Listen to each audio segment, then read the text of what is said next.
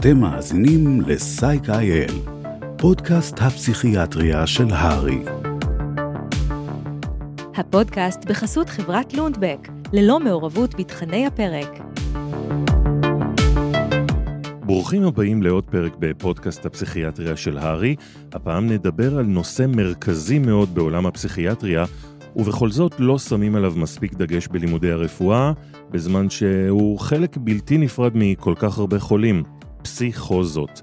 אנחנו נתמקד במחלה הפסיכיאטרית אולי הקשה ביותר לטיפול, סכיזופרניה, ועל כל נושא ההפרעות הפסיכוטיות, ואיתנו באולפן הדוקטור מולי לינדר, מומחה לפסיכיאטריה וסגן מנהלת המרכז הרפואי לבריאות הנפש, שער מנשה.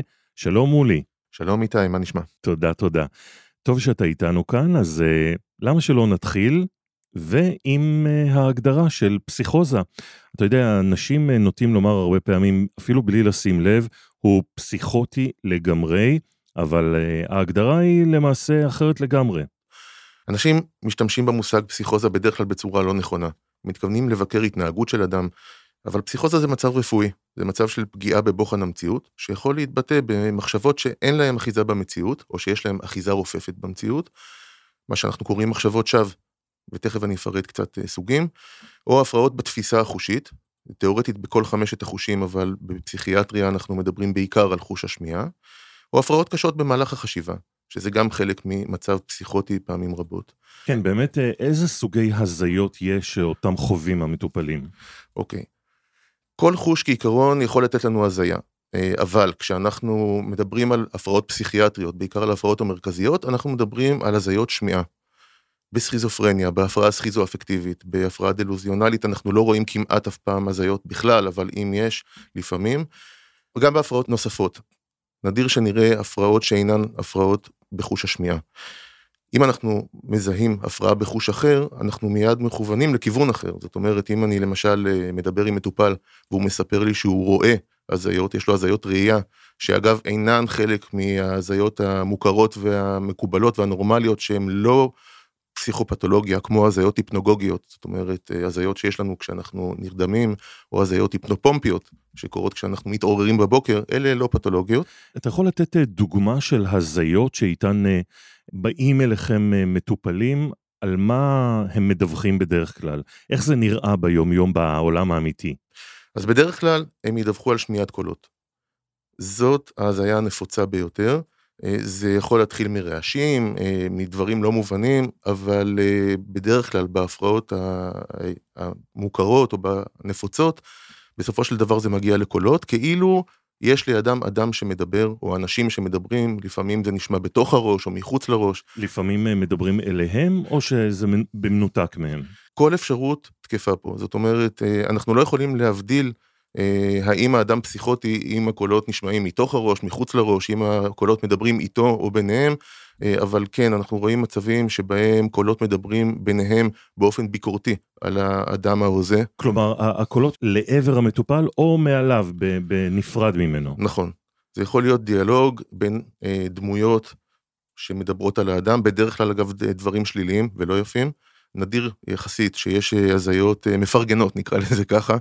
אה, לפעמים ההזיות הן סתמיות, זאת אומרת הזיות שפוקדות על האדם לעשות דברים שאין להם משמעות מיוחדת, כמו קולות שמלווים אותו. למשל הוא פועל או עושה דברים שהוא רגיל לעשות, והכל מלווה אותו ואומר כן עכשיו אתה הולך ועכשיו תשב ועכשיו תכין ארוחת בוקר. כאן הכל בסדר, הבעיה מתחילה כשהזיות מתחילות לפקוד לעשות דברים שעלולים להיות מסוכנים. אה, אבל אה, תכף נדבר גם על, על העניינים האלה. כן חשוב לי להגיד שכשאנחנו מזהים הזיות אחרות בבדיקה, כמו הזיות ראייה או הזיות של טעם, ריח, הדבר הבא שכדאי לעשות זה הדמיה למוח. זאת אומרת, יש אה, גם מצבים אורגניים שיכולים לגרום או ליצור הזיות וצריך למצוא אותם מה שיותר מהר ולטפל בהם. ברור, אבל רגע לפני שנדבר על כל בדיקות ההדמיה, אולי תאמר משהו על התדירות של ההזיות האלה? הן יכולות להיות, אה, אגב, כבר מהילדות? כן, הן יכולות, הן יכולות להופיע כבר בילדות, זה פחות נפוץ. זאת אומרת, אנחנו רואים את ההפרעות הפסיכוטיות בדרך כלל לקראת סוף גיל העשרה, תחילת uh, שנות ה-20. אלה השנים שבה, שבהם בדרך כלל מופיעות ההפרעות הפסיכוטיות הכרוניות הממושכות. ומה התדירות שלהן? כמה פעמים זה יכול להופיע? זה משתנה? זה יכול להופיע פעם ביום? הרבה פעמים ביום? זה מאוד שונה מאדם לאדם, מחולה לחולה. יש אנשים שחווים את הקולות האלה רק מדי פעם, אה, אבל בדרך כלל אנשים לא מטופלים שיש להם הזיות, הזיות שם.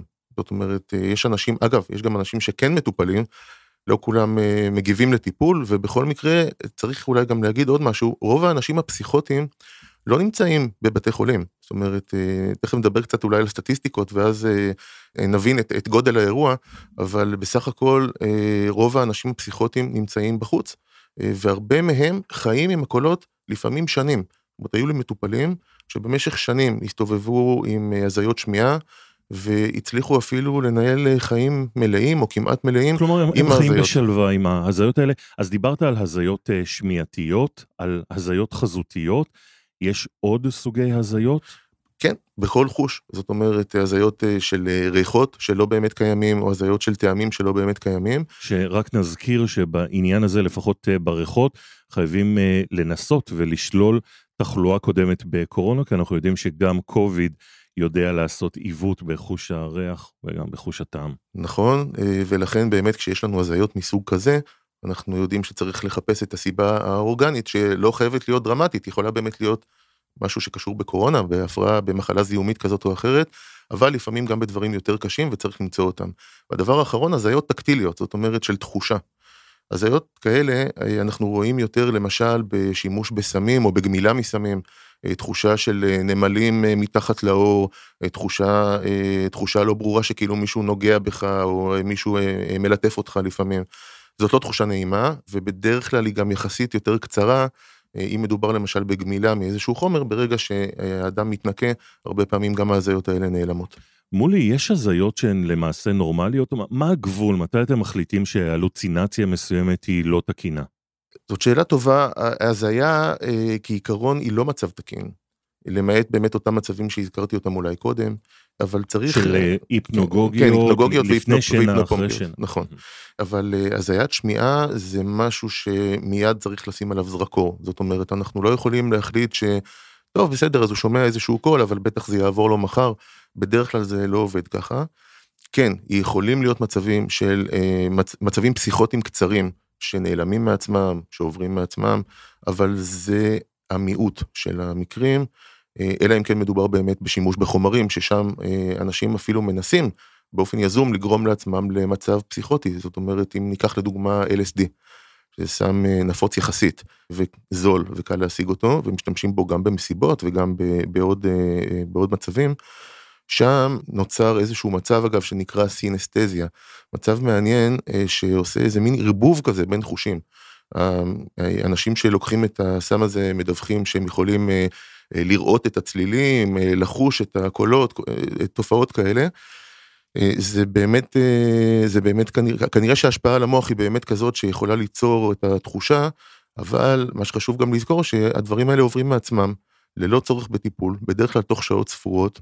ובגלל שאנחנו יודעים בעצם מה גרם, אין פה סיבה אה, להתערבות. אבל לא על זה אנחנו מדברים היום, אנחנו היום בעיקר מדברים על פסיכוזות שנגרמות כתוצאה ממחלות, ובדרך כלל, כמו כמעט כל המחלות הפסיכיאטריות, מדובר בהפרעות כרוניות. אז זהו, בדיוק דיברת על הכרוניות של הדבר, ודיברת מקודם על ההזיות הזמניות, אז מה קורה אם מישהו מתאר שהייתה לו אפיזודה או שתיים או שלוש אפיזודות או חודש של הזיות שונות וזה חלף?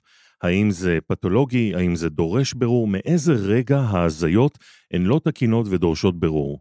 אני חושב שמה שמשותף לכל ההפרעות בפסיכיאטריה בכלל, זה שלא נגדיר אותן כהפרעה, אלא אם כן הן מפריעות. זאת אומרת, אם לאדם הייתה איזושהי אפיזודה שבה הוא היה פסיכוטי, אבל אה, זה חלף מעצמו אה, ואין לזה שום אה, משמעות או שום הפרעה על, אה, על היומיום שלו, לא נעשה עם זה שום דבר ולמען האמת הוא גם בדרך כלל לא יפנה לטיפול. זאת אומרת, אנחנו לא כל כך רואים מצבים כאלה, כי הם פשוט לא מגיעים לפסיכיאטר וזה בסדר. אני מניח שיש יותר סיכוי שאולי אדם כזה יבוא מבוהל דווקא לרופא המשפחה שלו, או אה, לקרוב משפחה, וישאל אותו מה קורה איתו. אבל שוב, אנחנו מדברים כאן באמת על המיעוט, אנחנו, אם אנחנו רוצים להתמקד ב, בעיקר, אנחנו צריכים לדבר על ההפרעות הפסיכוטיות הכרוניות, רק לפני שנדבר עליהם, אולי כן כדאי להגיד עוד מילה לגבי מחשבות השווא שהזכרנו בתחילת השיחה. מחשבות שווא יכולות להיות מכל סוג שהוא. זאת אומרת, כל מחשבה שהיא לא מציאותית, למרות שבדרך כלל בתוכן היא כן נשענת על דברים שקורים לאדם במציאות, אבל מחשבה כזאת מוגדרת כמחשבת שווא. זאת מחשבה שגם אם אנחנו ננסה לשכנע את האדם בכך שהיא לא נכונה, אנחנו לא נצליח. המחשבות האלה הן מה שנקרא unshakable. וזה מה שמפריד בין מחשבת שווא לבין מה שאנחנו קוראים לו overvalued ideas. זאת אומרת, מחשבה שיש בה איזושהי אה, התמקדות יתרה או איזושהי הגזמה, בסדר, זה עדיין לא מוגדר כמצב פתולוגי אה, קשה. אבל אם לא ניתן לערער את האמונה של האדם במחשבה על משהו שלא קיים, אז אנחנו נגדיר את זה כמחשבת שווא. והסוגים הנפוצים ביותר הם מחשבות שווא של יחס, זאת אומרת התחושה של אדם שדברים שונים שקורים מסביבו בעצם מכוונים אה, אליו, מכוונים כלפיו. יש מחשבות שווא של רדיפה, שהן לפעמים יכולות להישמע קצת דומות, אבל נוסף פה הנדבך של מישהו מנסה להזיק לי, מישהו מנסה אה, לגרום לי אה, איזשהו נזק בטווח הקצר או הארוך. בכל מיני אמצעים. יש אה, מחשבות של אה, גדלות, אה, אנחנו רואים את זה יותר במצבים מאניים, באנשים שנמצאים במצב מאני פסיכוטי, לפעמים מחשבותיהם, מחשבות השווא שלהם, מחשבות של, של גדלות. גרנדיוזיות, יכולות יוצאות דופן, דברים שלא מחוברים באמת למציאות שלהם, או שמחוברים שוב ברמת התוכן אבל לא בעוצמה. יש מחשבות שווא של השפעה, יכולת של אדם להשפיע למשל על הטבע, או של הטבע להשפיע עליו. יש מחשבות שווא של שידור, אנשים שמרגישים שהמחשבות שלהם מושמעות בקול רם, או אפילו משודרות ברדיו או בטלוויזיה. יש מחשבות שווא של קנאה, אה, מה שלפעמים אה, נקרא אה, אוטלו סינדרום. אנחנו רואים את זה יותר בהפרעה דלוזיונלית, פחות בסכיזופרניה. מחשבות שווא של עוני, איזושהי תחושה של עוני נוראי, למרות שמראים לאדם, תראה, מצבך בסדר, יש לך מה שצריך, אבל לא ניתן לשכנע אותו שהוא לא הולך ומדרדר מבחינה כלכלית למצב מסוכן. כל הדברים האלה הם רק דוגמאות, כי בעצם אין גבול ליכולת החשיבה של האדם, ומשם אה, נגזרות מחשבות השווא, אבל אלה אפשר להגיד פחות או יותר הנפוצות.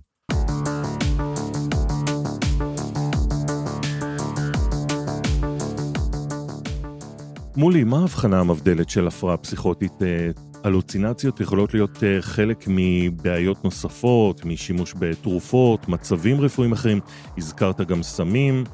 כן, אז המצב הפסיכוטי נכנס בהבחנה מבדלת מאוד רחבה יחסית, שאני חושב שהרופאים צריכים להכיר אותה היטב, כי הטיפולים במצבים השונים שונים. אז קודם כל נתחיל עם ההפרעות הפסיכוטיות הכרוניות, הנפוצות ביותר, סכיזופרניה, הפרעה סכיזו-אפקטיבית, הפרעה דלוזיונלית, אלה הפרעות, הפרעות קלאסיות, או הפרעות הדגל נקרא לזה, של, של הפסיכיאטריה. אה, אפשר להגיד שגם אה, חלק גדול אה, מאנשים שנמצאים בבתי החולים הפסיכיאטריים סובלים מההפרעות הפסיכוטיות הכרוניות, בעיקר סכיזופרניה והפרעה סכיזו-אפקטיבית, אבל גם בהפרעות במצב הרוח אנחנו רואים בקצוות מצבים פסיכוטיים. למשל, אדם ביפולרי שנמצא כרגע במצב של מניה, בקצה בהחלט יכולים להיות מצבים פסיכוטיים. דיברנו קודם על מחשבות שווא של גרנדיוזיות, של גדלות, מאוד אופייני לאנשים במצב כזה, אבל גם בקוטב השני, בקוטב הדיכאוני, אנחנו רואים לפעמים דיכאון פסיכוטי, או כמחלה נפרדת, אה, או שלפעמים אנחנו ממש רואים את ההידרדרות של האדם אה, הולך ו, אה, ומחמיר ברמת הדיכאון שלו, ואז יכולה פתאום להופיע פסיכוזה כחלק מהדיכאון, שוב, כשזה חלק מהפרעות במצב הרוח, הרבה פעמים באמת יהיה איזשהו קשר בתוכן בין אה, נושא מחשבות השווא אה, לבין מצב הרוח. ואז במצב של דיכאון פסיכוטי אפשר לראות מחשבות ניהיליסטיות למשל, זאת אומרת, אה, סוף העולם, אין טעם לעשות שום דבר, ולכן אין טעם לחיות ולכן כדאי למות. חוץ מזה, אנחנו רואים לפעמים פסיכוזה גם במצבים של דליריום, למעשה דליריום שזאת הפרעה חריפה, ש... העיקר שלה זה שינויים במצב ההכרה, אה, אבל, אבל אנחנו רואים שם גם מצבים פסיכוטיים, אה, בוחן המציאות מתערער לחלוטין במצבים האלה. אפרופו מה ששאלת קודם לגבי מצבים חולפים, אה, דליריום כשהוא מטופל היטב ורואים אותו קודם כל יותר בבתי חולים כלליים, למשל בחדרי התאוששות של חדרי ניתוח, אחרי ניתוחים גדולים ובעוד מקומות, והטיפול הנכון שתכף נדבר עליו, מקצר מאוד את פרק הזמן הזה והסיפור נגמר, אבל מצבים דלירנטיים יכולים להימשך גם תקופות יותר ארוכות. גם בדמנציה, במצבים מתקדמים, למשל אלצהיימר בשלבים המאוחרים שלו, או מצבים שקשורים בכלי דם, אנחנו רואים שההידרדרות מביאה בין היתר לפעמים גם למצבים פסיכוטיים. ואז יש לנו פה כמה בעיות. קודם כל, אנחנו לא מדברים על אנשים שהם חולי נפש באופן בסיסי, אבל בשלב כזה של ההפרעה, אנחנו כבר כן יכולים לדבר על מצבים נפשיים או על הפרעות אה, נפשיות שנלוות אה, למצב הדמנטי, שבהחלט מצריכות טיפול. הסיבה העיקרית היא שאנשים עם אלצהיימר למשל, לא מסכימים לקבל עזרה, לא מסכימים לקבל טיפול, לפעמים מתוך מצב פסיכוטי. הם חושבים למשל שהאדם שמנסה לטפל בהם, מנסה להזיק להם. וכמו שאמרתי קודם, האמונה הזאת היא unshakable. קשה מאוד, עד כדי לא ניתן לשכנע את האדם שהמטפל שלו לא רוצה להזיק לו. מצבים כאלה אנחנו רוצים לטפל בו, אבל פה נכנס אלמנט נוסף ומאוד מעניין. היו מחקרים אה, בעשור האחרון שהראו שטיפול אנטי פסיכוטי, שתכף נדבר עליו קצת, בדמנציה, מגביר מאוד מצבים של אה, אירועים קרדיו-וסקולריים וסרברו-וסקולריים, וגם אה, מוות. ועכשיו אנחנו נמצאים פה באיזושהי דילמה מאוד מאוד קשה. מצד אחד אנחנו רוצים לטפל באדם שמאוד מאוד סובל, הסבל הוא מאוד גדול, אולי הייתי צריך להגיד את זה קודם, אבל להיות במצב פסיכוטי בדרך כלל זה סבל. מצד שני אנחנו לא רוצים לקצר לו את החיים ואנחנו צריכים תמיד אה, לחשוב ב, ככה על המאזניים האלה, מה כדאי או מתי אולי כדאי להפסיק את הטיפול הזה אה, ולא לתת אותו ככה שגר ושכח ו, וזהו. אלא באמת לטפל רק בנקודות הקשות. לצערי במרבית המקרים אדם שכבר התחילה להתפתח אצלו פסיכוזה על רקע של אלצהיימר, כנראה שנצטרך לטפל בו לאורך זמן. רגע לפני שתמשיך עם ההבחנה המבדלת, דיברת על הסבל הזה. לחולים פסיכוטיים יש את התובנה שהם נמצאים באיזשהו סטייט של מחשבות שווא, של הזיות, הם מבינים את זה, או שהם ממש נסחפים עם ההזיות שלהם ומאמינים להזיה. זאת אומרת, איפה המקום שלהם בעולם האמיתי? כן, אז, אז ברוב המקרים התובנה היא נמוכה, בעיקר בהפרעות הפסיכוטיות הכרוניות. התובנה היא נמוכה כי היא נגזרת מהתחושה שלהם שזאת המציאות. זאת אומרת... כלומר, אה... ההזיה עד כדי כך עוצמתית, ומחשבות השווא כך עוצמתיות, שהן ממש כבר חלק מהאישיות שלהם, מה... מחיי היומיום? אפשר, אני לא הייתי אומר שזה חלק מהאישיות, הייתי אומר שזה חלק מהחוויה שלהם. זאת אומרת, אה, אם אה, הקיר כאן אה, לצורך העניין הוא לבן, ואני וגם האנשים האחרים שיושבים כאן יספרו לך כרגע שהקיר ירוק, אתה עדיין תסתכל בו ו- ולא תשתכנע, כי אתה רואה בעיניים שלך שהוא לבן. זאת בערך התחושה של האדם הפסיכוטי. זאת אומרת, מספרים לו, תשמע, מה שאתה רואה, או מה שאתה חושב, או מה שאתה שומע, זה לא נכון. אבל הוא מבחינתו, בחוויה החושית שלו, מרגיש, שומע וחווה את הדברים האלה ברמת מציאות מוחלטת. לכן קשה מאוד לשכנע אותם, ולכן גם התובנה שלהם לגבי המצב שלהם היא מאוד מאוד נמוכה בדרך כלל. התובנה לפעמים משתפרת ככל שהמצב משתפר תחת טיפול, ולפעמים אפילו כשהטיפול הוא מוצלח או די מוצלח, עדיין נשאר משהו שם ככה איזשהו מה שאנחנו קוראים לו לפעמים גרעין פסיכוטי, שלמרות שהאדם מבין שקרה פה משהו יוצא דופן ושהוא מתחיל לצאת ממנו, או שהוא כבר יצא ממנו, בכל זאת, אנחנו רואים הרבה מאוד פעמים מצבים שבהם בפנים בפנים האדם בכל זאת לא לגמרי משוכנע שהחוויה שהוא עבר לא הייתה אמיתית לחלוטין. אנחנו ממשיכים מההבחנה המבדלת, מה לגבי מחלות אה, זיהומיות? הרבה פעמים כשעולה החום, יש הזיות, יש מחשבות שווא, אז אה, מאיזה שלב אתם נכנסים לתמונה הפסיכיאטרים? ממתי זה לא בסדר? כי בדרך כלל מחלות זיהומיות נמשכות אה, יום, יומיים, שלושה ימים, אבל לפעמים הן קצת יותר ממושכות, אז מאיזה שלב זה לא תקין? אי אפשר להצביע על שלב שאפשר להגיד מכאן זה מפסיק להיות תקין ומתחיל להיות פתולוגי, אבל אני חושב שצריך לדבר באופן יותר רחב על סוגי מחלות. מחלות זיהומיות זה סוג אחד. דווקא במחלות הזיהומיות אפשר להיות יותר אופטימיים, בגלל שברגע שהמחלה הזיהומית תחלוף, ככל הנראה גם הפסיכוזה תחלוף איתה, ושוב, זה לא משהו מאוד מאוד נפוץ במחלות זיהומיות, ואני לא מדבר על מחלות שפוגעות ישירות במוח כמובן, ששם באמת הכל יכול להיות, אבל אם נסתכל על הפרעות אחרות, כמו למשל אה, הפרעות נוירודגנרטיביות, נגיד MS. MS, אה, טרשת נפוצה, זאת מחלה שאנחנו יודעים שיכולה לחכות כמעט כל מצב גופני או נפשי. אנחנו רואים מטופלים עם טרשת נפוצה אה, שיש להם שינויים במצב הרוח, אנחנו רואים מצבים פסיכוטיים חופשי בטרשת נפוצה. זאת אומרת, אה, מצבים כאלה יגיבו בין היתר גם לטיפול אנטי פסיכוטי, אבל כמובן שבמקביל אנחנו נהיה חייבים לטפל במחלה הבסיסית.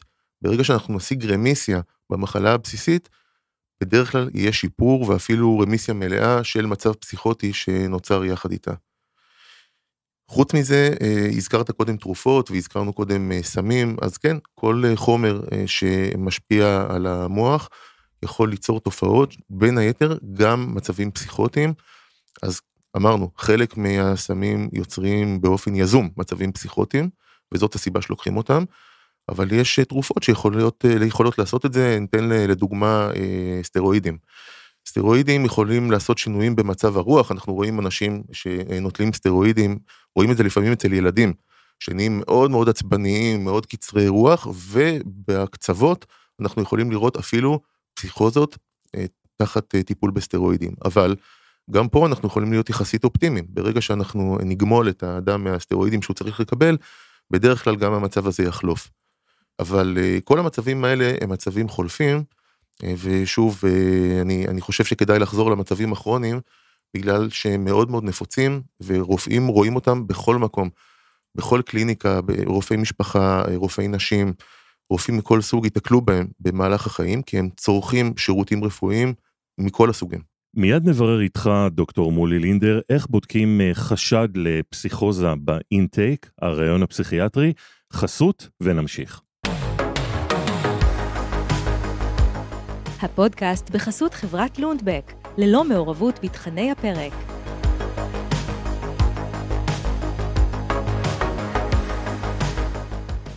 תודה שחזרתם אלינו לפודקאסט הפסיכיאטריה של הארי סייק אייל. אנחנו ממשיכים עם הפסיכיאטר דוקטור מולי לינדר בנושא הפרעות פסיכוטיות. מולי, כשאתם מראיינים חולה פסיכיאטרי, מה שואלים אותו כדי לאבחן פסיכוזה? איזה, איזה שאלות? איך מעלים את הנושא הזה בראיון והאם זה בכלל משנה אם ההלוצינציות מדברות עם החולה או לא? קודם כל כדאי להגיד שאין בדיקה פסיכיאטרית מלאה ללא בדיקה של מצב פסיכוטי. זאת אומרת, העניין הזה הוא חלק חיוני בבדיקה הפסיכיאטרית, והכי חשוב זה לזכור שכדאי לשאול בעדינות, ממש ככה לתפור את זה בתפרים עדינים. זהו, מה, מה אתה בדיוק שואל? כן, האם ו... אתה שומע קולות? או, אז אתה... זה בדיוק מה שאנחנו לא שואלים. אנחנו לא רוצים אה, להתנפל על, אה, על המטופל בשאלה מהסוג הזה, כי זה יכול להיות מאוד מבהיל. זאת שאלה הרי לא רגילה, אנחנו בדרך כלל לא שואלים אחד את השני שאלות כאלה, ולכן אנחנו נתחיל מהקל אל הכבד. זאת אומרת, למשל, אה, נתחיל נגיד מענייני מצב רוח, ואז נשאל את האדם יותר קודם כל לכיוון של מחשבות השווא. למשל, האם לאחרונה אה, היו מצבים שבהם הלכת לך ברחוב וראית אנשים שדיברו אחד עם השני, והייתה לך תחושה שהם מדברים עליך למרות שלא שמעת על מה הם מדברים. זאת למשל יכולה להיות שאלה קצת יותר רכה נקרא לזה ועדינה, שאדם לא, לא יחשוש לענות עליה ו, ולאט לאט משם אנחנו נוכל אה, להמשיך. למשל אם הוא יגיד כן, זה קורה לי, אני רואה אנשים שמדברים וברור לי שהם מדברים עליי. כן, אבל זו, זו תחושה שהרבה חושבים כשהם רואים שני אנשים שמדברים ומדי פעם מגניבים מבט אליך, אתה אוטומטית חושב, רגע, יכול להיות שהם צוחקים עליי.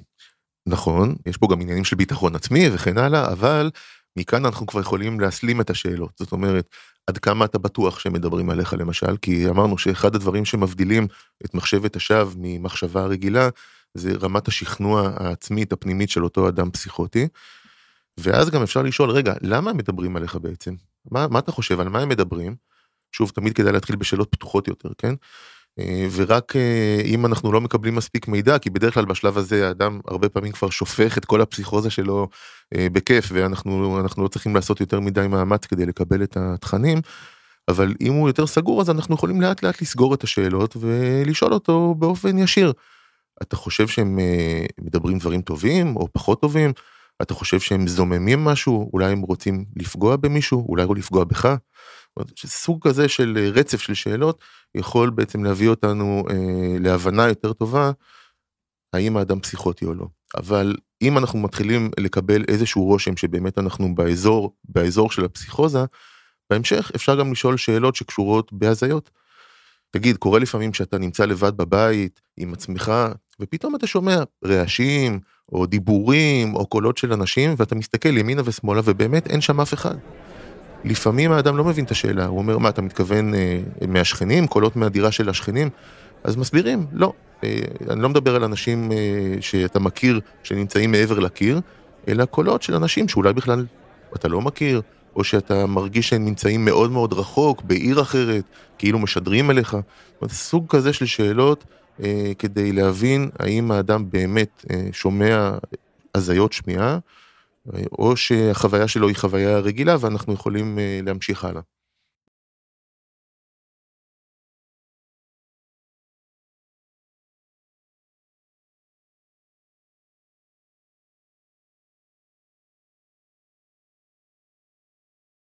מולי, רופא בקהילה נתקל בחולה כזה, האם הוא שולח אותו ישר למיון, אנחנו יודעים שהתור אליכם מאוד מאוד ארוך, או שהוא צריך לערוך לו בדיקות, הרי אתה יודע, אה, הוא יכול אה, לקבוע תור לפסיכיאטר רק לעוד אה, שבעה חודשים.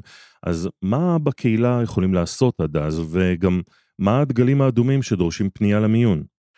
זאת שאלה חשובה, אנחנו יודעים שפסיכוזה זה לצורך העניין החום הגבוה בפסיכיאטריה. זאת אומרת, צריך לדעת שאי אפשר עכשיו לחכות כמה חודשים. כלומר, איתרתם אה, חשד להפרעה פסיכוטית, זה דגל אדום. זה דגל אדום, כמו שאנשים שמתעסקים, ב, כמו נוירולוגים שמתעסקים אה, ב-CVA אומרים time is brain.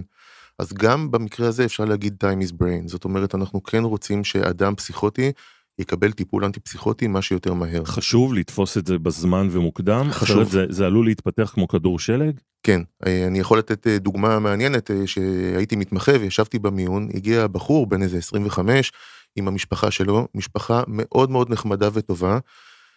הבחור היה פסיכוטי לחלוטין, והמשפחה סיפרה שהוא נמצא במצב כזה כבר שנתיים, אבל הם כל כך רצו לגונן עליו, שהם תמכו, נתנו את כל התמיכות האפשריות ובעצם השאירו אותו שנתיים במצב פסיכוטי עד שכבר אי אפשר היה יותר. והוא uh, הגיע אלינו למיון. הם לא ידעו אבל הם בעצם לא בכוונה גרמו נזק ולא הביאו תועלת לאותו בחור. אם הוא היה מקבל את הטיפול שלו שנתיים קודם, יכול להיות שהפרוגנוזה שלו הייתה יותר טובה ועד שהוא הגיע uh, נגרם נזק שכבר קשה לטפל בו. ובכל מקרה uh, הסיפור הוא כזה, אם אנחנו מזהים פסיכוזה ראשונה, קודם כל צריך מאוד מאוד להיזהר. אמרנו שיש גם גורמים אורגניים שיכולים לגרום לפסיכוזות, והדבר הראשון הוא לשלול אותם. אז כדאי תמיד לעשות איזשהו וורקאפ uh, רציני, בדיקות דם uh, מתאימות, uh, הדמיה כשצריך וכן הלאה. ובכל זאת מצב פסיכוטי למרות הכל מצריך התייעצות עם פסיכיאטר אז זה המצב שבו הייתי ממליץ לרופא המשפחה אל תוותר ואל תשלח אותו לפסיכיאטר באיזושהי מרפאה שיהיה לו תור בעוד שלושה ארבעה או חודשים או חצי שנה אלא פה תתעקש על בדיקה פסיכיאטרית בזמן אה, מהיר ככל האפשר. אם הרופא מזהה שיש גם איזושהי מסוכנות, אפילו מינימלית, בגלל שאנחנו יודעים שהמצבים האלה יכולים להסלים ובזמן יחסית קצר. למשל, הזיות פוקדניות, אה, למשל אה, התנהגות... זה חשוב, הזיות פוקדניות שכאילו נותנות לך הוראות מה לעשות. נכון. ואז זה מסכן גם את הנפגע עצמו וגם אנשים מסביבו, כיוון שהקולות יכולות לתת לו הוראות לפגוע בהם. נכון, באופן פוטנציאלי זה מה שיכול לקרות, אבל אל, זה באמת בקצוות, אבל אני חושב שאנשים בעיקר, אה, בגלל שהשיפוט נפגם תוך כדי המצב הפסיכוטי, כי פגיעה בבוחן המציאות גוררת גם פגיעה בשיפוט המציאות, הדבר הזה יכול להביא לסיטואציות שיש להם פוטנציאל מסוכנות יחסית גבוה. לכן מצבים כאלה, אה, אם אין ברירה, פשוט לשלוח למיון, והאדם כבר יראה פסיכיאטר במיון ומשם ימשיכו. אני לא קורא לרופאים להציף את חדרי המיון כרגע במטופלים שיש חשד קל שבקלים שאולי, לא, פה כבר באמת אה, אה, כל רופא צריך אה, להכיר ולעשות את שיקול הדעת שלו, את מי הוא שולח ואת מי הוא לא שולח. אבל לגבי טיפול, נגיד טיפול מקומי נקרא לזה, קודם כל היום הטיפול, הטיפול במצבים פסיכוטיים הוא תרופות אנטי פסיכוטיות. יש, אפשר להגיד בגדול שיש שני סוגים, את הדור הראשון ואת הדור השני. הדור הראשון של הטיפול האנטי-פסיכוטיות הוא תרופות שחוסמות את הרצפטור לדופמין, והדור השני עושות איזשהו בלנס בין הרצפטור לדופמין לרצפטור לסרוטונין. יש הבדל גדול בין הקבוצות האלה, אה, בעיקר אה, בפרופיל תופעות הלוואי שלהם. היום מקובל בדרך כלל, ברוב המקרים, להתחיל מהתרופות מהדור השני. אה, תרופות מהדור השני, למשל ריספרדל, זיפרקסה, סרוקוול, לפונקס. אלה תרופות שהתרופות הן יעילות, לא לכולם, תמיד צריך לזכור, יש משהו כמו עד 30% מהמטופלים שלא יגיבו אף פעם כנראה לאף תרופה, זאת אומרת יש עמידות די גדולה לתרופות אנטי-פסיכוטיות, ובכל זאת, רוב המטופלים אה, יגיבו. אם אנחנו נותנים trial מלא, זאת אומרת מינון מלא של טיפול, במשך לפחות שישה עד שמונה שבועות, ורואים ששום דבר לא זז, או שכבר בהתחלה אנחנו רואים שבאמת תוך שבוע שבועיים יש אפס תזוזה ואין באמת טעם להמשיך ולהגיע ל trial מלא, כי אליו אנחנו נגיע אם אנחנו בכל זאת נראה איזושהי התחלה של תזוזה, אנחנו יכולים להחליף לטיפול אחר. יש כאלה שמעדיפים עוד תרופה מהדור השני, יש כאלה שיגידו בוא ניתן עכשיו משהו מהדור הראשון כדי לתת צ'אנס למשהו שהוא קצת שונה מבחינה ביוכימית. ויש כאלה שיגיעו יחסית מהר לתרופה לפונקס, קלוזפין, תרופה מאוד יעילה, אה, מאוד אה, טובה, עם הסיכויים הטובים ביותר אה, לשליטה בסופו של דבר בהפרעה הפסיכוטית הכרונית. אבל יש לה גם תופעות לוואי מאוד מאוד קשות שלא ניכנס אליה, ניכנס אליה? כן, בקטנה.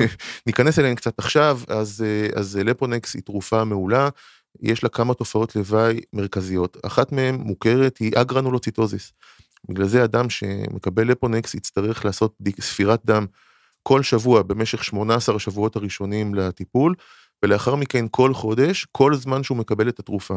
זאת אומרת, גם אם הוא מקבל את התרופה 20 או 30 שנה, ויש הרבה מטופלים כאלה, הוא יצטרך להמשיך ולעשות ספירת דם כל חודש מחדש, כדי שאם מתחיל אה, מצב של אגרנולוציטוזיס, אנחנו נתפוס את זה בזמן ונוכל להפסיק את הטיפול. עוד אה, בעיה נפוצה אה, היא תופעות לוואי של אה, מטבוליות. מטבוליק סינדרום מה שנקרא, שהוא נכון לגבי כל התרופות מהדור השני, אבל בלפונקס אנחנו רואים אותו ממש ממש ברצינות, עלייה משמעותית מאוד במשקל, בעיות של סוכר ולחץ דם. אה, אדם שמקבל לפונקס, אה, כדאי מאוד שתהיה לו מערכת תמך שתוכל גם לדאוג לעניינים האלה, אה, גם ברמת המניעה וגם ברמת הטיפול לכשהדברים קורים. ובסופו של דבר, בגלל שאנחנו בודקים כל כך טוב את עניין האגרנולוציטוזיס, אז אנשים היום לא מתים מאגרנולוציטוזיס כתוצאה משימוש בלפונקס, אבל הסיכון הגדול ביותר הוא איליוס, הוא חסימת מעיים, זה משהו שכן יכול לקרות, התרופה היא מאוד אנטי-חולינרגית, היא יוצרת עצירות אצל חלק ניכר, ניכר מהמטופלים, אה, ובמצבים אה, מסוימים יכולה להגיע אפילו למצב של חסימת מעיים מסכנת חיים. אבל בכל מקרה, תרופות אנטי-פסיכוטיות זה לא משהו שרופא בקהילה ימהר לרשום אותם אה, לפני אה, מרשם של אה, פסיכיאטר, נכון? נכון. אה, נכון ובצדק, אני חושב שלפני שמתחילים טיפול אנטי פסיכוטי שההשלכות שלו הן כל כך דרמטיות כמו שתיארתי, כדאי שתהיה הערכה פסיכיאטרית מעמיקה ורצינית, ואני לאו דווקא מדבר על מצבים שבהם האדם צריך להתאשפז, זאת אומרת חלק ניכר, למעשה רוב המטופלים האלה יטופלו בקהילה, אבל הם יצטרכו מעקב של פסיכיאטר. אני בהחלט מכיר רופאי משפחה מצוינים, שלאחר שהאדם אה, מקבל את הבדיקה הבסיסית, מתחיל תרופה ומתחיל להתאזן, הם יודעים יפה מאוד לעשות את, האיזונים במהלך הדרך, ובכל מקרה תמיד כדאי שבמצב כזה יהיה פסיכיאטר ברקע, גם אם הוא רואה את המטופל לעיתים רחוקות יחסית. מה השכיחות של הפרעות פסיכוטיות בישראל, בעולם? סכיזופרניה, שהיא אולי המחלה הנפוצה וגם הקשה ביותר, המחלה הפסיכוטית הכרונית, מאוד גבוה, אנשים בדרך כלל מופתעים לשמוע, אבל אחוז שלם באוכלוסייה אה, יפתחו אה, במידה כזאת או אחרת אה, סכיזופרניה, ממש לפי ה-DSM. רובם לעולם לא יאושפזו בבית חולים. זאת אומרת, אם לתת ככה קצת מספרים, בישראל יש היום כ-3,650 מיטות בבתי החולים הפסיכיאטריים. אחוז אחד מתוך תשעה או כמעט עשרה מיליון איש, אנחנו מדברים על כמעט 100 אלף איש שיש להם הפרעה פסיכוטית מהסוג הזה, אז אפשר להבין שלא ניתן ולא צריך גם אה, להחזיק אנשים כאלה בתוך בתי חולים. הם מגיעים לבתי החולים רק במצבים המאוד מאוד קיצוניים, מצבים שיש בהם סיכון, מצבים אה, לפעמים שמצריכים גם אה, אשפוז כפוי בחלק מהמקרים. כן צריך להגיד שסכיזופרניה זאת הפרעה שאחד הדברים הקשים בה היא שכל פעם שמתרחש התקף פסיכוטי מהסוג שאנחנו דיברנו עליו, לא תהיה חזרה לבייסליין של, אה, של עצמו. זאת אומרת, אה, כל התקף כזה ישאיר את האדם עם איזשהו ליקוי מסוים, שהרבה פעמים הולך ומעמיק במהלך החיים. תוך אה, חמש עד עשר שנים אפשר, אפשר כבר לראות ולהבין לאן הדברים הולכים. חלק מהם יוכלו לקיים, רובם למעשה, יוכלו לקיים חיים מלאים, אבל אולי לא כפי שהפוטנציאל שלהם היה מאפשר אלמלא המחלה התפתחה. כלומר, חולה מגיע אליך עם חשד להפרעה פסיכוטית, עם אה, הזיות, הלוצינציות כאלה ואחרות, באיזה שלב אתה כבר מגדיר אותו כסכיזופרן? אוקיי, קודם כל תיקון קטן, אנחנו לא אוהבים להשתמש במילה סכיזופרן, זה אדם שמתמודד עם סכיזופרניה. זה נכון בכלל בפסיכיאטריה, אנחנו מטפלים באנשים ולא במחלות, וזה משהו שחשוב לי להדגיש אה, למאזינים גם. לפי ה-DSM אפשר להגיד שאחרי אה, חצי שנה של, אה, של הפרעה, שבתוכה אגב אנחנו כוללים גם את מה שנקרא פרודרום, זאת אומרת תופעות שהתחילו עוד לפני שפרצה הפסיכוזה המלאה, אפשר להגיד שיש כאן הפרעה, הפרעה קבועה, הפרעה כרונית.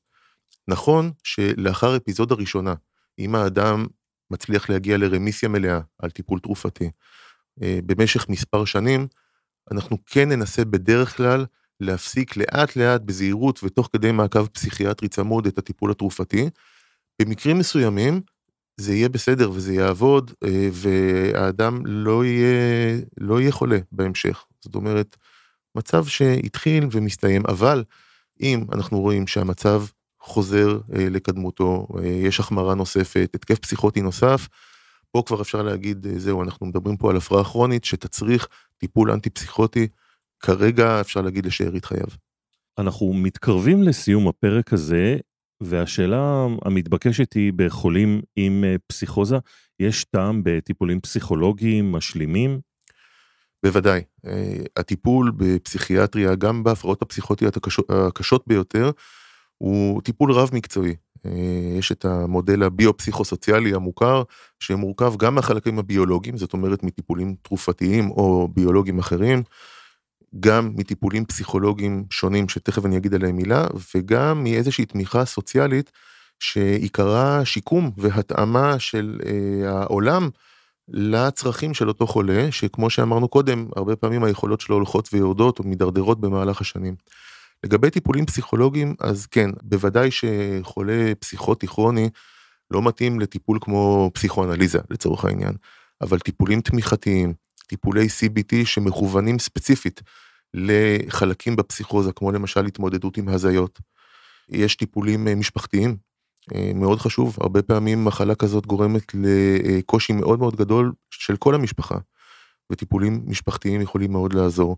טיפולים זוגיים, אה, לאנשים כאלה יש גם בני ובנות זוג, ולפעמים ההפרעה גורמת למתח מאוד מאוד גדול, לקושי מאוד מאוד גדול בחיי המשפחה ובזוגיות. אה, יש אה, טיפולים קבוצתיים וטיפולים פרטניים, יש המון סוגים שטובים ומתאימים גם לאנשים עם הפרעות פסיכוטיות כרוניות. אדם עם פסיכוזה או אדם שסובל מהפרעות פסיכוטיות אה, צריך איזשהו ליווי, או שהוא יכול להמשיך אה, ולתפקד בחיי היומיום לבד? אז זה נורא תלוי בעוצמה. כמו בהרבה הפרעות או מחלות אחרות, גם כאן יש אנשים שמקבלים את זה בצורה קשה במיוחד, ויש כאלה בצורה יותר light. אלה שהם light יותר, אז הרבה פעמים יסתדרו בעצמם, וזה בסדר. אה, יהיה להם איזשהו קשר עם רופא מטפל, הם יקבלו את הטיפול, בסופו של דבר הם יכולים להסתדר ברוב תחומי החיים. אנשים שהמחלה יותר קשה אצלם, יצטרכו מגוון של פתרונות. יש את חוק השיקום, חוק מאוד מאוד מתקדם ומאוד יפה בישראל, אה, יזמה אותו בזמנו אה, תמר גוז'נסקי, ושם יש מערך שלם של שירותים, כל מיני סוגים של שירותים ושל דברים שאדם יכול, זכאי לקבל אותם כמו למשל דיור מכל מיני סוגים, זה יכול להיות הוסטל או דיור מוגן, דיור בקהילה, קהילה תומכת, או רק עזרה באיך לשכור דירה ואיך להתנהל אה, עם דירה שכורה. אה, בעבודה, החל מעזרה בהשתלבות בשוק החופשי וכלה במפעלים מוגנים, ששם יש ממש אה, השגחה צמודה ועזרה בפעולות עבודה פשוטות שהם עושים בתוך המפעל. יש לימודים, אה, סל שיקום נותן גם לימודים מכל מיני סוגים, בכל מיני רמות, בין היתר אה, השלמת תעודת בגרות, אה, לימודי מחשבים, לימודים מקצועיים ולימודים אחרים, ועוד מגוון של שירותים. ויש כמובן גם הולך ותופס תאוצה אשפוזי בית, שבהם מקבלים את כל מערך הטיפול בבית מבלי הצורך להגיע לאשפוז בבתי חולים. דוקטור מולי לינדר, מומחה לפסיכיאטריה, היה מרתק, תודה רבה על הדברים האלה. אנחנו הגענו לסוף הפרק, אנחנו מזמינים אתכם לעקוב אחרינו בפייסבוק, בטוויטר ובאינסטגרם עם כל העדכונים והחדשות שלנו בהסתדרות הרפואית. נגיד תודה גם לשם הפודקאסטים על עריכת הפרק, תודה גם לכם על שהאזנתם לנו, ונתראה בפרק הבא.